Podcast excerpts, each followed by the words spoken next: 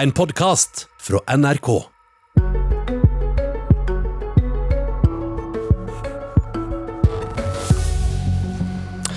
Erna Solberg avslutter året med svimlende tall. Hver tredje velger stiller seg bak Høyre nå, og det har ikke skjedd på nesten ti år. Det var en hyggelig åpning. En mindre hyggelig ville vært er ikke Erna Solberg en slags krigsprofitør som vokser kun fordi all verdens elendighet treffer regjeringen Støre midtskips? Politisk kvarter gjør opp status før årsskiftet. Statsminister Jonas Gahr Støre kommer hit på tirsdag, men det kan virke som om det er et rop etter en ny statsminister og et nytt flertall. En ny politikk. Velkommen til Politisk kvarter, Høyre-leder Erna Solberg. Hyggelig å være her. Hva tror du Høyres oppslutning hadde vært hvis du var statsminister nå? Det er veldig vanskelig å si. Vi hadde hatt mange av de samme problemene som regjeringen har hatt. Vi hadde hatt en litt annen politikk på noen områder, samme politikken på noen områder. Men, eh, og da er det veldig vanskelig å si hvordan det hadde vært. Eh, og eh, vi ser i noen av nabolandene våre at regjeringer som sitter, og regjeringspartier, gjør det bra selv om det er krise. Og i andre land så gjør de det ikke så bra. Så det blir en spekulasjon. Hadde strømprisene vært lavere Nei, hvis du hadde vært statsminister nå? Nei, det har jo jeg sagt veldig tydelig hele tiden. Det hadde både vært krig i Ukraina og det Har du, har vært... du ikke svaret på det første spørsmålet der? Nei, jeg, jeg tror det er mer ting som skjer. Og så tror jeg jo alltid det hvordan du håndterer det, for strømprisen er like høy i både Danmark og, eh, og i Sverige. Så, så, så det må nok nyansere disse spørsmålene. Alt er jo litt hvordan man håndterer det. Men det er klart at vår strømpris ville vært på samme nivået, men eh, vi fremmet det første forslaget om støtte f.eks. til bedriftene 18.1 i fjor. Vi fremmet bedre forslag tidligere enn det regjeringen har til kunder. Så vi hadde hatt en annen type kompensasjonspolitikk eh, enn det regjeringen har hatt, som kanskje hadde gjort det enklere for en del arbeidsplasser og andre. Ok. um Jonas Gahr Støre han ble flakkende i blikket for noen år siden da han fikk spørsmålet hvem står du nærmest politisk? Bjørnar Moxnes eller Erna Solberg? Hvem står du nærmest i synet på kraftmarkedet og hva som er løsningen på de høye strømprisene? Jonas Gahr Støre eller Sylvi Listhaug? Eh, ingen tvil om at eh, jeg står nærmest den politikken som vi førte sammen med Frp i regjering.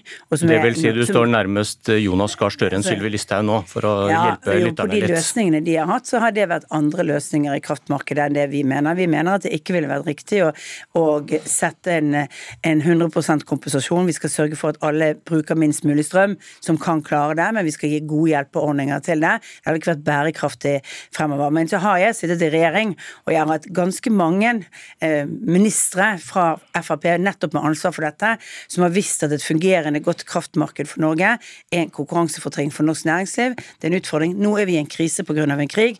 Det gjør det. Vi, må passe på at vi ikke ødelegger det som kan fungere godt også i fremtiden på denne veien.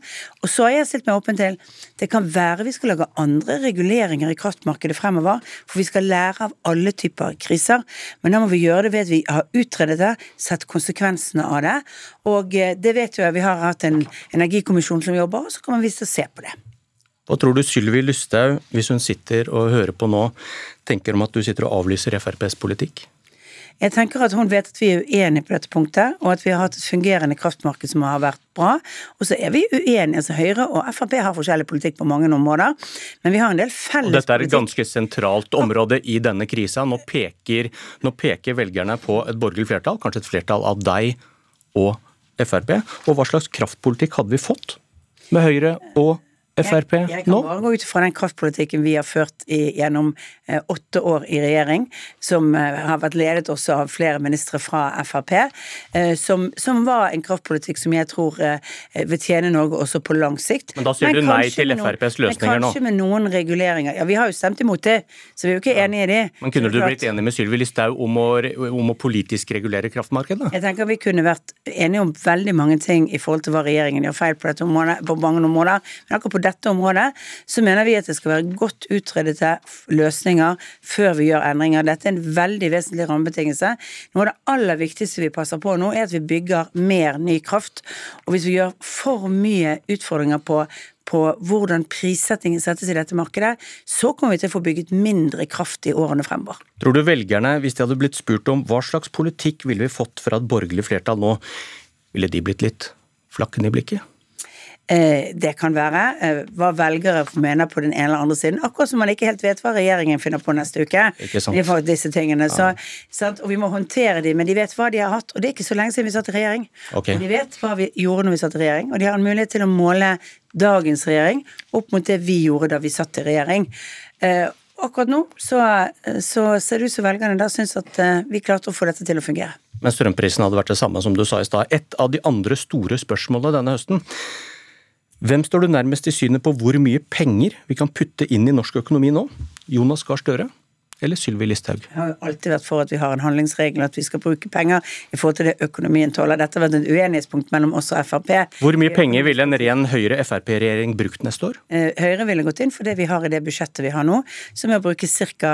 5 milliarder mindre enn det regjeringen gjør. Men hvor mye penger ville en ren Høyre-Frp-regjering brukt neste år? Dette er bare fiktive spørsmål. Dette er jo Ja, men sånn du jeg- hvorfor jeg spør? Ja, jeg skjønner at du spør det. Samtidig vil jeg bare minne om vi brukte 400 milliarder kroner mindre i løpet av vår periode enn det handlingsregelen tilsatte. Vi passet alltid på at, norsk, at den pengebruken vi hadde, var tilpasset den temperaturen det var i norsk økonomi. Vi brukte mer penger når det var behov for å stimulere, f.eks. under oljekrisen, under pandemien, for å redde jobbene, for å sørge for at folk hadde et næringsliv å gå til også etter pandemien.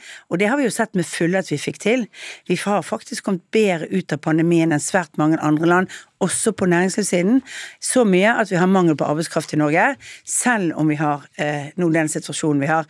Men hvordan skal velgerne tro på et alternativ til regjeringen Støre, der de to store partiene er på helt ulike planeter i en krise?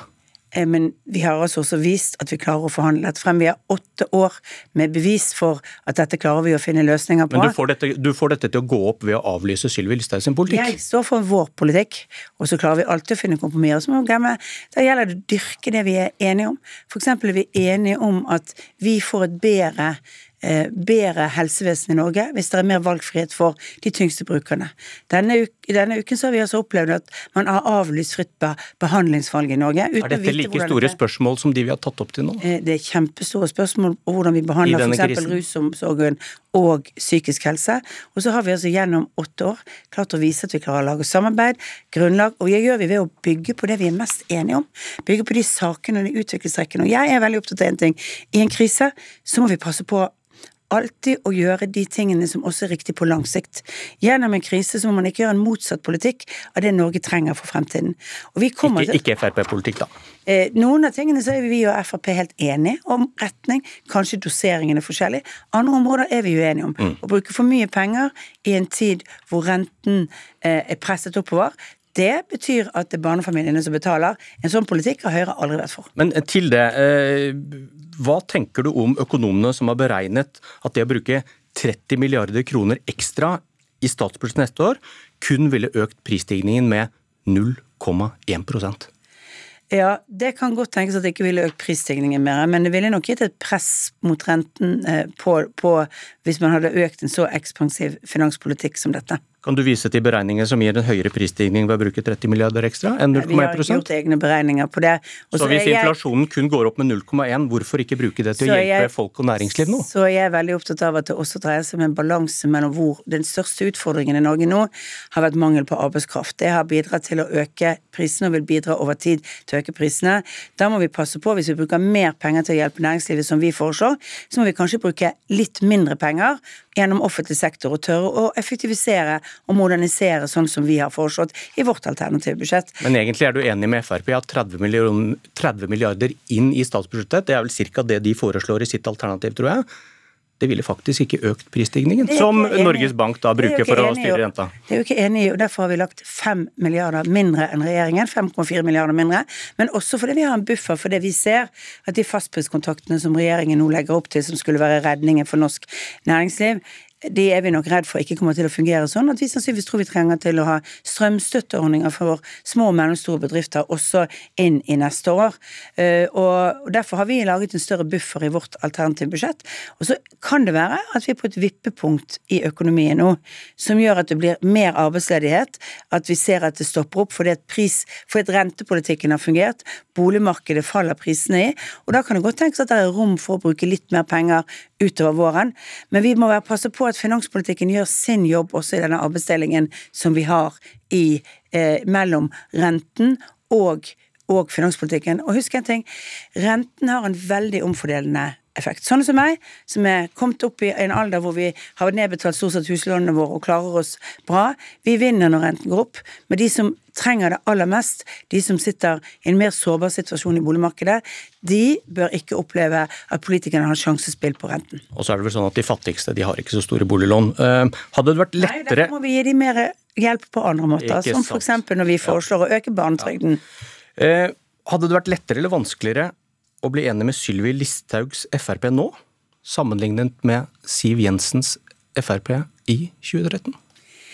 Jeg tenker at akkurat nå så har alle på borgerlig side hatt et behov for en liten frihetsfølelse dette året. Fordi vi har gjort masse kompromisser. Alle vil vise sine rene linjer eh, på den borgerlige siden for det vi er i opposisjon. Og da viser man primærstandpunktene sine. Du trenger ikke troverdig alternativ? Eh, jo, vi trenger jo å ha et, og vi har vist at vi kan finne kompromisser.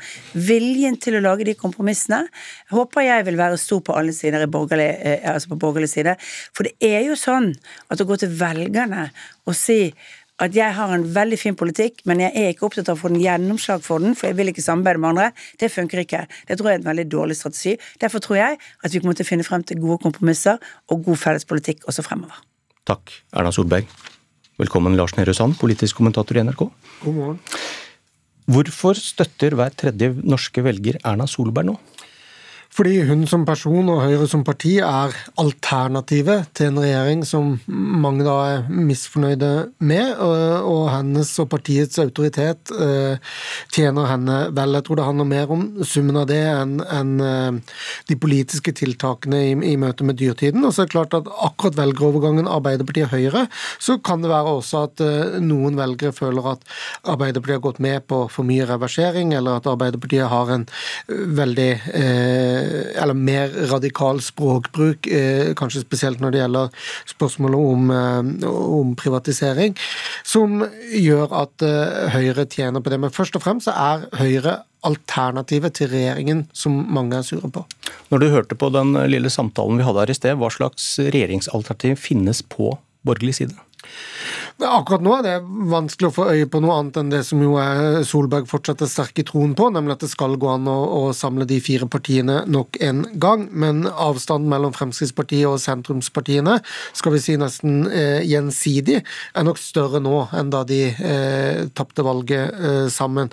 Eh, selvfølgelig handler det litt, som Solberg er inne på, om, om behovet for å rendyrke seg selv i, eh, i, opposisjon, men det handler også om eh, noen strategivalg de partiene har gjort etter at de kom ut eh, fra regjering, som, som nok vil være, eh, være, der hele perioden. Ja, Ville det vært enklere eller vanskeligere for Solberg å, å bli enig med Sylvi Listhaug nå, sammenlignet med Siv Jensen i 2013, da de ble enige og gikk inn i regjering?